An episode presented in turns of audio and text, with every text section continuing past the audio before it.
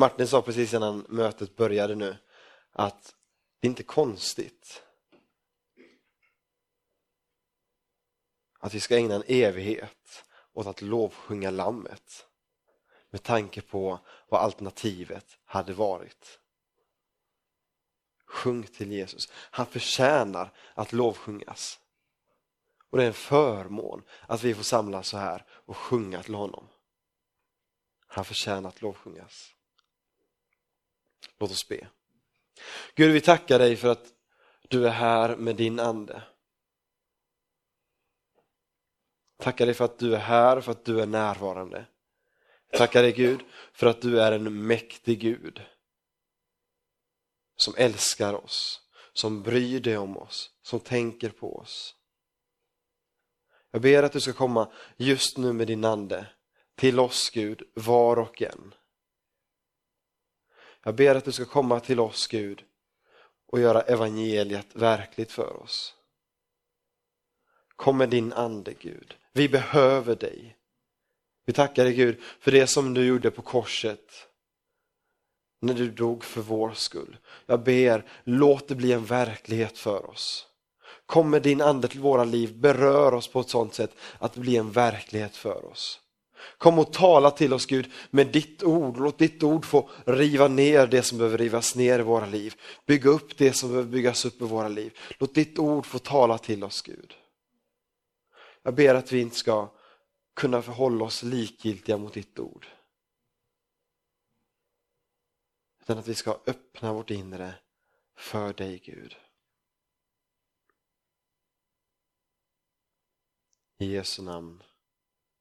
Amen.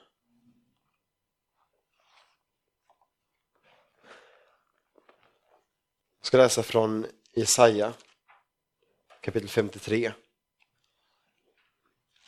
En profetia som talades ut ungefär 700 år innan Jesus stod på korset. Ungefär 700 år innan Jesus stod på korset. Jesaja 53. Vers 3 och framåt. Så tänk en tid då jag läser på det som Jesus gjorde. Han var föraktad och övergiven av människor. En smärtornas man och förtrogen med lidande. Lik en som man skyler ansiktet för. Så föraktad att vi räknade honom för intet. Men det var våra sjukdomar han bar. Dina och mina sjukdomar. Det var våra smärtor som tog han på sig. Dina och mina smärtor. Medan vi höll honom, du och jag, för att vara hemsökt, slagen av Gud och pinad. Han var genomborrad för våra överträdelsers skull, dina och mina. Slagen för våra missgärningars skull, dina och mina. Straffet var lagt på honom för att vi, du och jag, skulle få frid. Och genom hans sår är vi, du och jag, helade. Vi gick alla vilse som får, du och jag. Var och en gick sin egen väg, men all vår skuld la Herren på honom. Han blev misshandlad, men han ödmjukade sig och öppnade inte sin mun. Lik ett lamm som förs bort till att slaktas, lik ett får som är tyst inför dem som klipper det, så öppnade han inte sin mun. Genom våld och dom blev han borttagen. Vem i hans släkte besinnar att när han rycktes bort från de levandes land, land blev han plågad på grund av mitt folks överträdelse. Bland de ogudaktiga fick han en, sin grav, men hos en rik var han i sin död, för han hade ingen orätt gjort och svek fanns inte i hans mun. Det var Herrens vilja att slå honom och låta honom lida. När du gör hans liv till ett skuldoffer får han se avkomlingar och leva länge och Herrens vilja ska ha framgång genom honom. Det var dina och mina missgärningar som han bar. På första utgjutandet av en helig ande, pingstdagen, första pingstdagen efter Jesu död och uppståndelse, så predikar Petrus att det var ni som korsfäste Jesus. Den predikan som är relevant för oss också. Det var du och det var jag. Det var vi. Vi bär skulden till en annan människas död. Genom vår synd som du har gjort så väcks Guds vrede. En vrede som Gud lät drabba hans son. Det var vi som spikade fast Jesus på korset. Och det som höll Jesus fast på korset, det var inte spikarna. Han är Guds son, han har varit med och skapat världen. Men det var hans kärlek till dig och till mig som höll honom fast på korset, som gjorde att han utstod det här lidandet. Jag vill att vi ska läsa nu ett annat ställe i Gamla Testamentet som också pekar fram mot detta. Som talar om det som hände för 2000 år sedan som vi firar idag på långfredagen. I första Mosebok 22.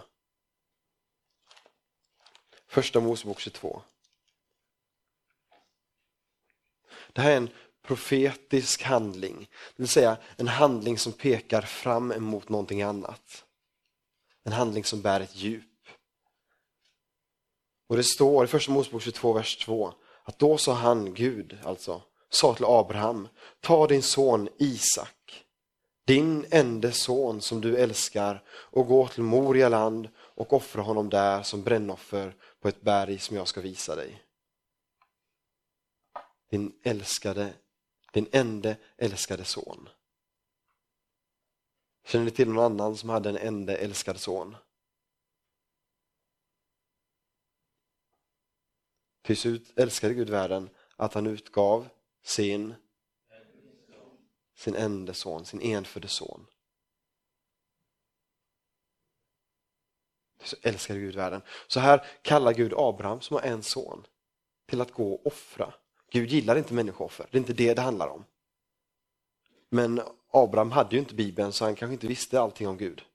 Det vet inte vi heller, trots att vi har Bibeln. Men vi vet lite mer än vad Abraham visste. Sen handlar inte Bibeln om att vi ska få massa kunskap. Abraham var nära Gud. Bibeln handlar om att vi ska få massa kunskap. Bibeln handlar om att förvandla våra liv. Ser vi bara Bibeln som en kunskapsbank där vi kan googla upp och söka den kunskap vi vill ha när vi vill ha den. Då har vi missuppfattat Bibeln. Bibeln gavs loss för att förvandla våra liv. Och så, på det sättet ska Bibeln användas. Som ett livsförvandlande verktyg. I alla fall, Gud talar till Abraham och säger offra din enda son. Den sonen som du älskar, offra honom. Abraham vet att det är Gud som sagt det, så han börjar lyda. Han sadlar en åsna, han ber sig hemifrån, lämnar sin fru, sina tjänare, tar med sig sin son Isak för att offra honom på Moria berg. När vi läser vers 4 så står det, när Abraham på tredje dagen lyfte blicken fick han se platsen på avstånd. På tredje dagen lyfte han blicken.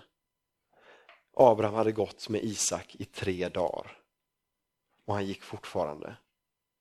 Vad, vad, tror ni, vad tror ni att Abraham hade gjort under de här tre dagarna? När han vandrade med sin son Isak för att offra honom. Tror ni att han hade gått och nynnat på lite härliga Mors lilla Olle i skogen gick-sånger? Tror ni att han hade haft en trevlig stund, de hade suttit vid någon lägereld och skrattat och haft det mysigt? Jag tror att Abraham kände i hela sin kropp ett lidande för varenda steg han tog. Att han i hela sin kropp kände, nu offrar jag det jag älskar mest. Och att varenda steg han tog blev tyngre och tyngre. Det måste varit förkrossande för honom att sen höra Isaks fråga till honom. När Isak frågar far, Abraham svarar, ja min son, i vers 7. Och Isak säger, pappa vi har, vi har eld, vi har ved, men var är lammet som vi ska offra? Det verkar så hjärtskärande i Abrahams liv så att Abraham svarar inte på frågan utan säger, Gud ska utse lammet. Det ligger något profetiskt i det också. Jag tror att det ligger mycket sorg, mycket tyngd, mycket ängslan bakom den orden. När han vet vad det är som är på väg att hända. Gud kommer att utse lammet. När de kommer fram så bygger Abraham ett altare. Han lägger veden på altaret. Han binder fast Isak på altaret. Han lyfter sin kniv. Då stoppar Gud honom och säger, du behöver inte offra din son. Jag har sett din lydnad. Och så visar Gud istället på ett djur som skulle offras. Så offrades det djuret istället i Isaks ställe, till Abrahams lättnad. Och så talar hela den här berättelsen till oss idag. Om att vi alla är som Isak. Vi alla är som Isak. På det sättet att någon annan går in i vårt ställe. Vi förtjänar alla något helt annat än vad Gud verkligen ger oss. Gud ger oss sin kärlek. Samtidigt talar berättelsen också om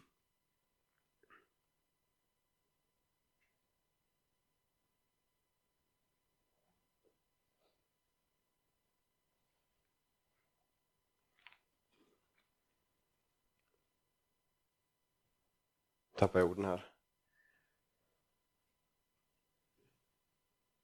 Jag talar också om alltså, vad, vad Gud måste ha känt. När man försöker föreställa sig vad Abraham kände. Vad Gud måste ha känt. Men ändå, han älskade oss så mycket. Vi talade i förmiddags om den vredesbägare som skummar av Guds vrede gentemot synd. Synd som du och jag har gjort. En vredesbägare där Jesus själv drack botten upp. Han bad, ta den här kalken ifrån mig, men ske inte min vilja utan din. Och så drack han botten upp för din och min skull. Så här, när du och jag egentligen förtjänar något helt annat på grund av vår synd, egentligen är på väg till ett helt annat ställe än till himlen, så sänder Gud någon annan. Precis som Gud i berättelsen om Abraham sände ett djur till att dö istället för Isak. Och Abraham och Isak de gick i tre dagar. På tredje dagen lyfte Abraham blicken. När det var dags att offra Isak så fick han Isak tillbaka. Isak blev levande igen. Jesus stod och var död i tre dagar, sen uppstod han, han blev levande igen. Men han var som död. Han var död i tre dagar. Isak där, under de här tre dagarnas vandring, så måste Isak ha varit som död för Abraham. Han visste vad som skulle hända, men han gjorde det. Och Gud visste vad som skulle hända sin älskade son när han sände honom till jorden. Men han gjorde det för att han älskade världen så. Han älskade dig och mig så. Det var inte en olyckshändelse att Jesus dog. Det var Gud, Fadern själv, som bestämde att det skulle ske för din och min skull. Och vet ni vad jag tycker är riktigt spännande i den här berättelsen?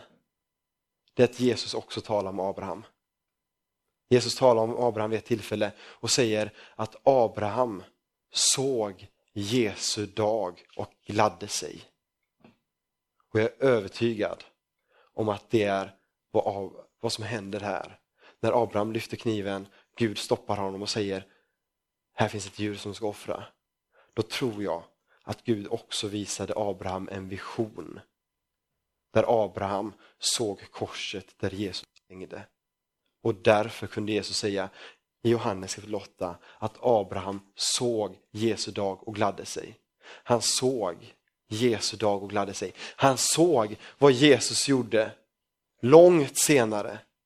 Men han såg, det här gäller mig, det här gäller min son Isak. Att Jesus dör, världens frälsare, Messias, dör för min skull. Han såg Jesu dag och han gladde sig för han insåg, det här är relevant för mig.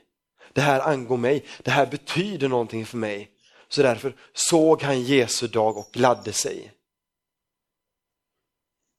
Han såg Jesu dag och gladde sig. För att Jesus bar det som han egentligen själv hade behövt bära. Jesus bar det som hans son Isak egentligen hade behövt bära. Gud, Fadern själv, sände Jesus att dö på ett kors. Så att han bar synden som ett syndoffer. Så gjorde ett förbund mellan oss och mellan Gud. Abraham såg Jesu dag och gladde sig. Jag tror han såg när Jesus hängde på korset. Och han insåg, det här gäller mig.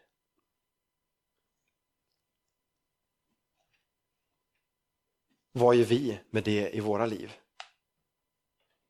Vad är vår reaktion när vi ser på Jesu kors? Ser vi det och gläder oss?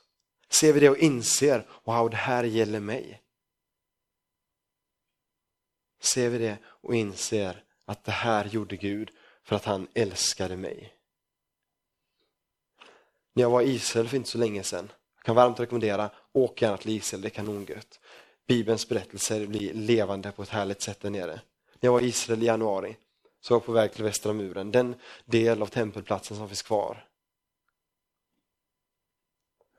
Jag gick dit en fredagkväll. Tänkte jag skulle dit och be. Det som hände var, när jag var på väg dit ner, att jag dansades förbi av glada judar som var på väg att be och tillbe Gud. Jag dansades förbi av glada judar.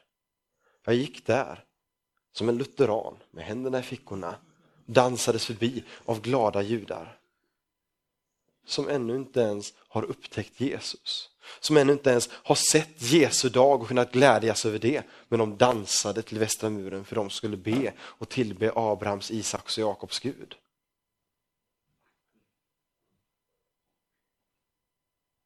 Habakuk ber, Gud, låt ditt verk få liv igen i våra dagar.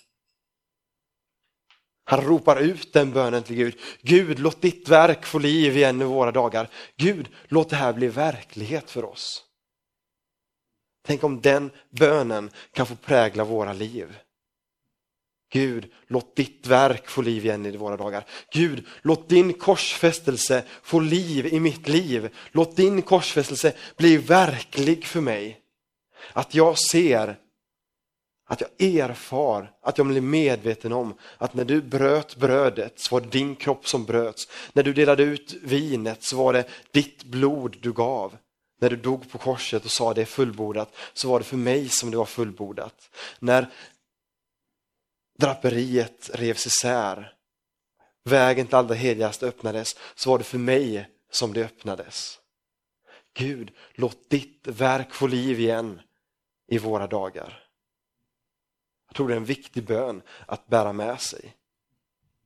Så att evangeliet inte bara hamnar distanserat någonstans, långt borta ifrån oss, blir bara en historisk berättelse, utan tränger in i vårt liv så att vi kan tala om våra egna liv så som Gud, Jesus talade om Abrahams liv. Att han såg Jesu dag och han gladde sig. Så att när vi ser tillbaks på Jesu kors så gläder vi oss.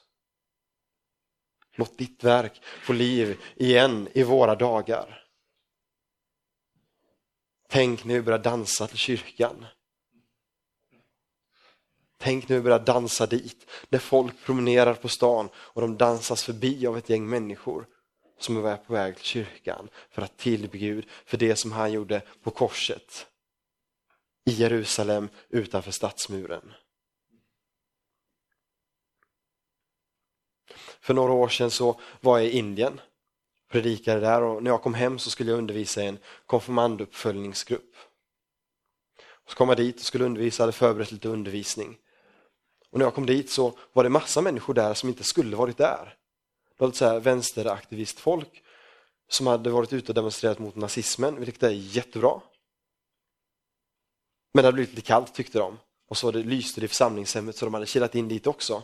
Och då tänkte jag att nu kan inte jag hålla på och undervisa de här kristna konfirmanderna, nu får jag fokusera på de här som inte känner Gud. Så jag slängde bort mitt blad och så började jag vittna för dem. Började berätta för dem om vad Gud har gjort för dem och att Gud är levande och verklig och så berättade jag lite vittnesbörd om det som hände när jag var i Indien. Och man såg så här i deras ögon att de, de var lite skeptiska, de köpte inte allting. Och så frågade de då, är det någon av er som är sjuk? Nej, vadå? Nej, men om någon av er är sjuk här, då vill jag ta och be för dig. Vadå? Nej, men Gud kan hela.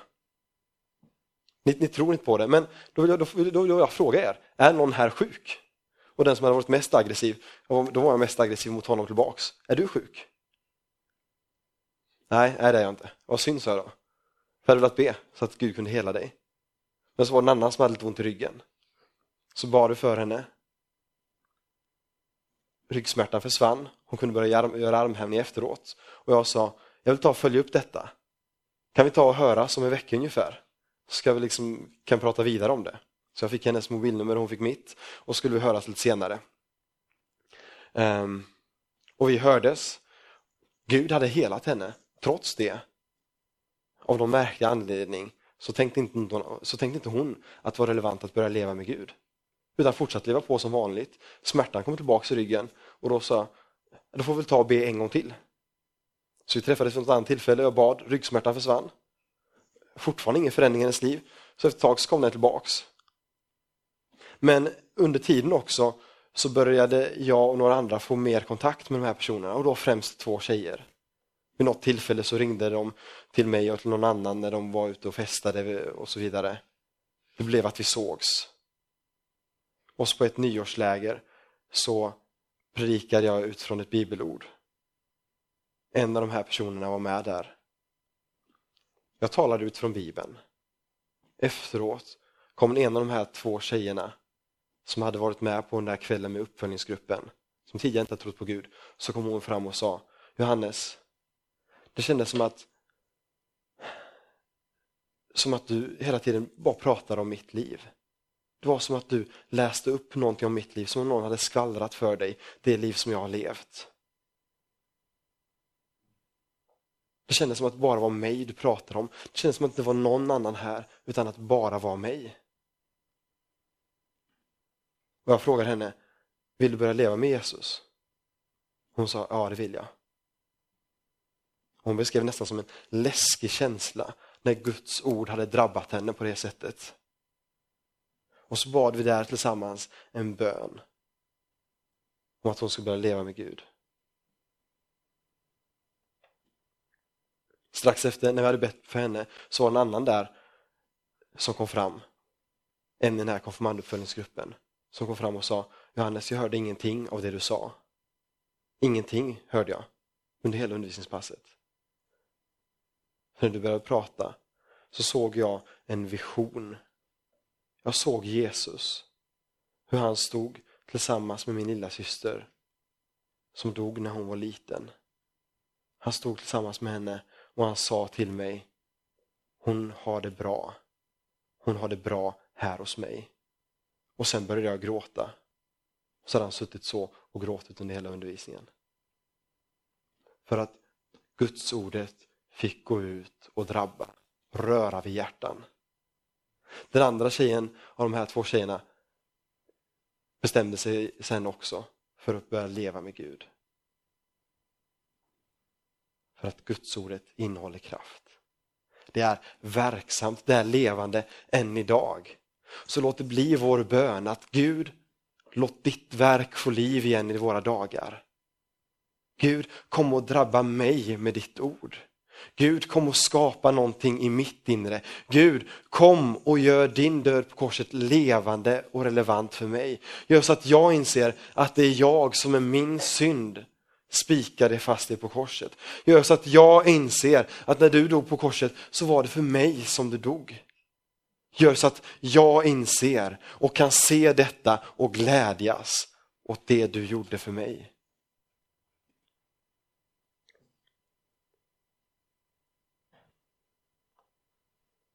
Gud vill möta oss. Som jag talade om första dagen så firade Jesus en påskmåltid med sina lärjungar och instiftade då nattvarden. Påsken, första påsken började firas på grund av uttåget i Egypten. för typ 3500 år sedan. Efter uttåget till Egypten så vandrade de ett tag. Anledningen till att de blev befriade var att de skulle fira gudstjänst med Gud. De vandrade ett tag, de kom till ett berg, Gud kom och mötte dem, talade till dem, berörde dem, gav dem sitt ord. Och sedan dess har pingsten firats. Efter påsk, 40 dagar, så utgöts den helige ande på pingstdagen. Pingstdagen som redan firades för att fira att Gud gav sitt ord. Den dagen kom den helige ande, mötte lärjungarna och gav dem sin kraft.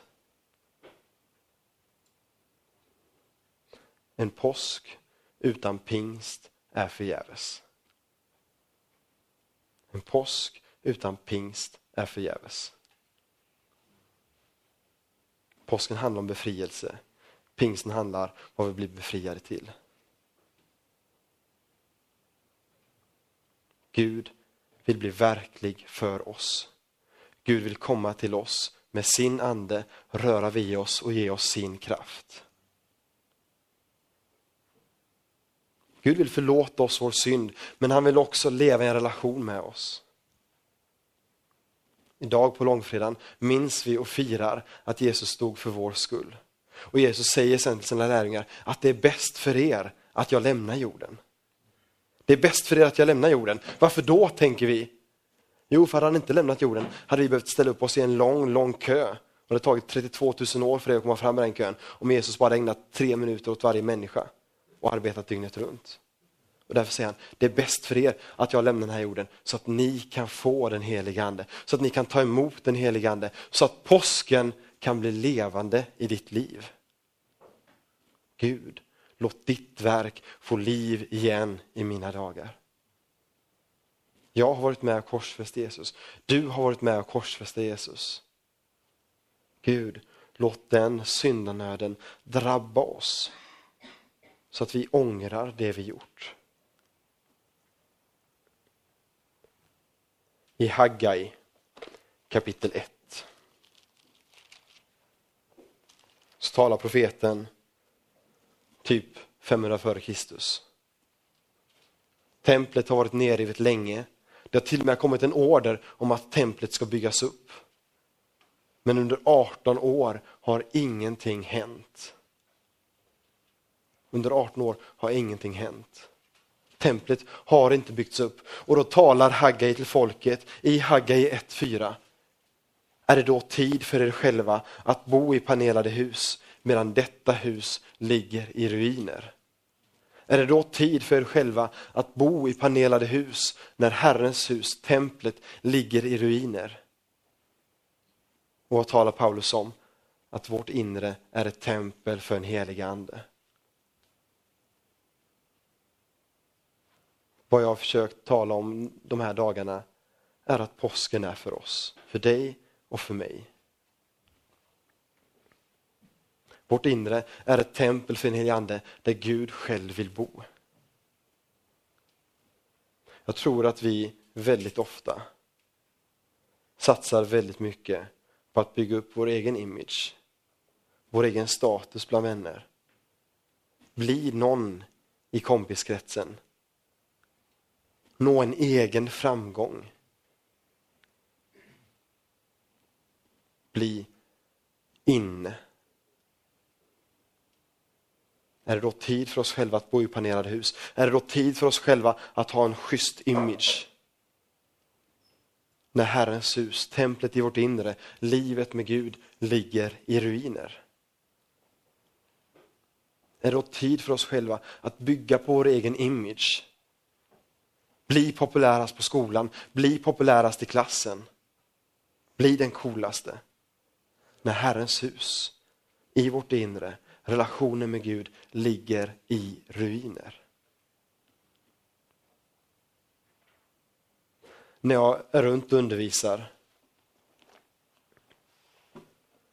så tycker jag mig ofta möta svältande ungdomar. Det känns som svältande ungdomar man möter.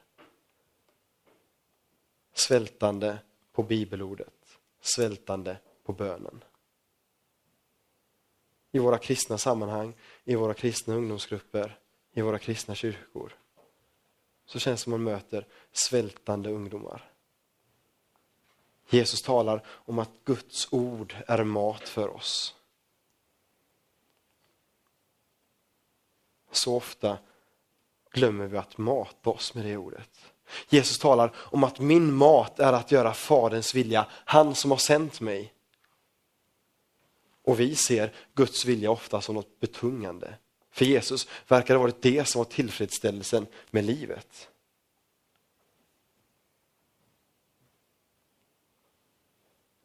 Vi kommer vara svältande andligt sett om vi inte prioriterar bön och bibelläsning i våra liv. För att prioritera bön och bibelläsning i våra liv så kan det vara värt att ordna en god struktur i sitt liv. En god ordning. Lever man bara på och tänker att någon gång under min dag ska jag kanske komma på tanken att be och läsa Bibeln så är risken att du inte riktigt kommer på det.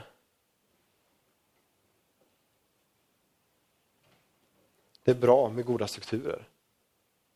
Det är bra att be tillsammans med andra. Så försök gärna bestämma dig för vissa strukturer i livet. Där du kanske inleder varje morgon med att läsa i Bibeln, be lite grann.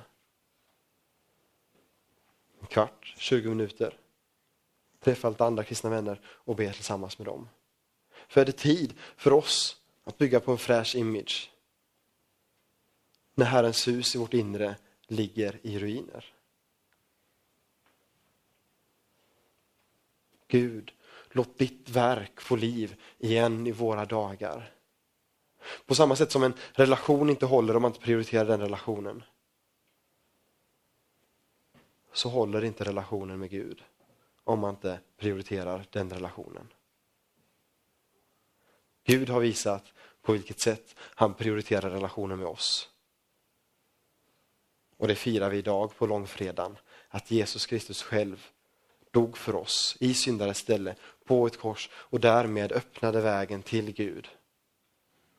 För dig och för mig. Det är en verklighet som gäller oss idag. Abraham såg Jesu dag och han gladde sig.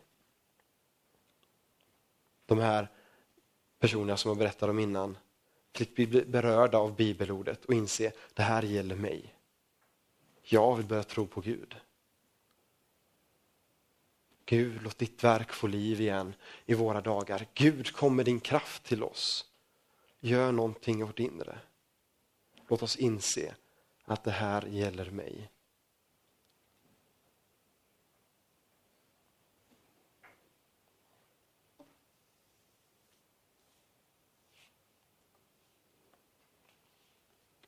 Gud,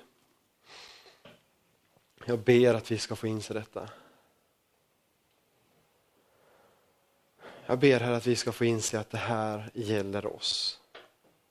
Jag ber Gud att du ska komma med din ande och beröra oss här inne. Jag ber att du ska låta ditt ord falla i god jord, Herre. Tack för det som du gjorde när du dog på korset. För vår skull.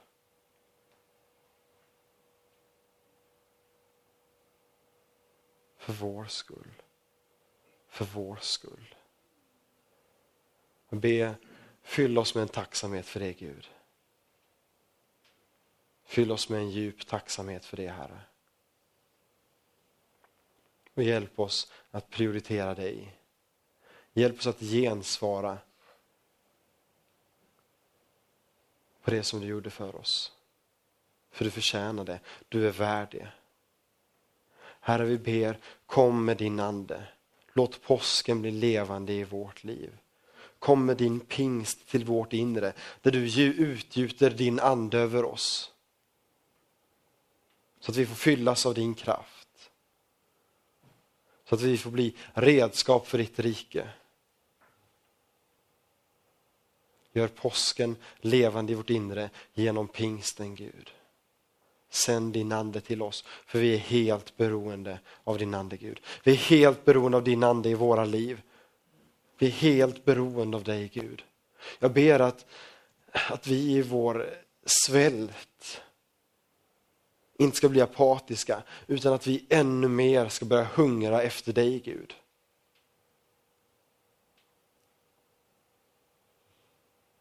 Heliga Gud. Jag ber att vi ännu mer ska börja hungra efter dig, Herre. Ännu mer börja längta efter det som du vill ge till oss, Gud.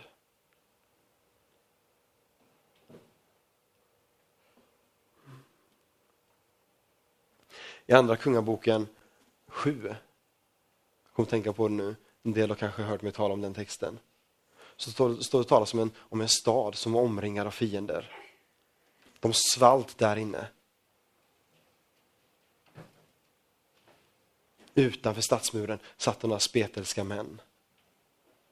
Gud befriade staden genom att jaga bort fienderna, men hela staden fortsatte svälta, för de hade inte insett att de var befriade.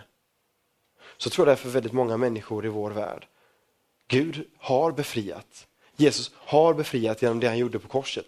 Men de flesta har fortfarande inte sett det. Man befinner sig i en andlig svält. Det som är intressant är, fyra spetälska män var utanför stadsmuren. De var inte inne i staden. Och Jag tror att det kan vara så väldigt ofta för oss kristna. Vi känner att vi är inte helt i världen. Vi lever lite utanför, vi lever på vår kristna sida. Men att vi fortfarande gör som de här spetälska männen gjorde. Vi befinner oss väldigt nära staden. Vi befinner oss fortfarande där det är hunger, där det är svält, utan att upptäcka Guds godhet. Efter lite resonerande så inser de här spetälska männen att nej, det är lika bra att vi går och kollar med fienden. Kanske kommer de ge oss mat och i sådana fall blir det suveränt för oss. Och så börjar de gå och så inser de att de är befriade och så börjar de gotta sig av det goda som Gud ger. Jag tror att väldigt många av oss agerar som sådana här spetälska människor utan att upptäcka det goda som Gud gör.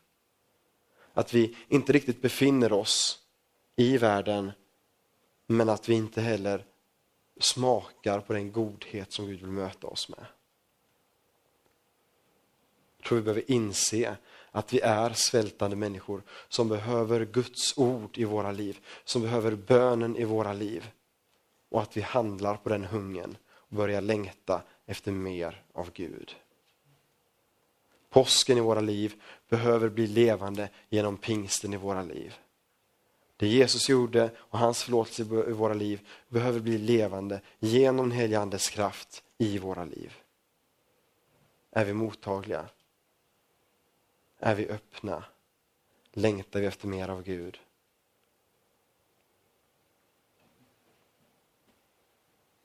Vi gör så nu att vi sjunger lovsång och låter det få bli en stund där vi gläds över Jesu Kristi dag, som Abraham gjorde. Men där vi istället får se tillbaks på det Jesus gjorde och glädja oss över det, för han är värd att glädjas över.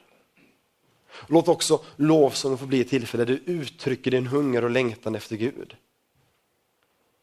Kanske känner du dig just andligt svältande. Ta den känslan av andlig svält på allvar och gör någonting åt det i ditt liv. Där nere så kommer det finnas möjlighet till förbön. Jag vill också påminna om det som vi inbjöd till i förmiddags. Om du har synder som du vill bekänna. Om du känner att du vill bekänna synder, så välkommen bak till oss. Vi kommer inte berätta för någon annan. Men där kommer vi också ta och be för annat som du vill få förbön för.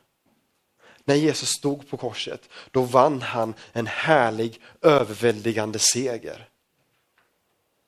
En härlig överväldigande seger. Han besegrade ondskans makter, han besegrade sjukdom.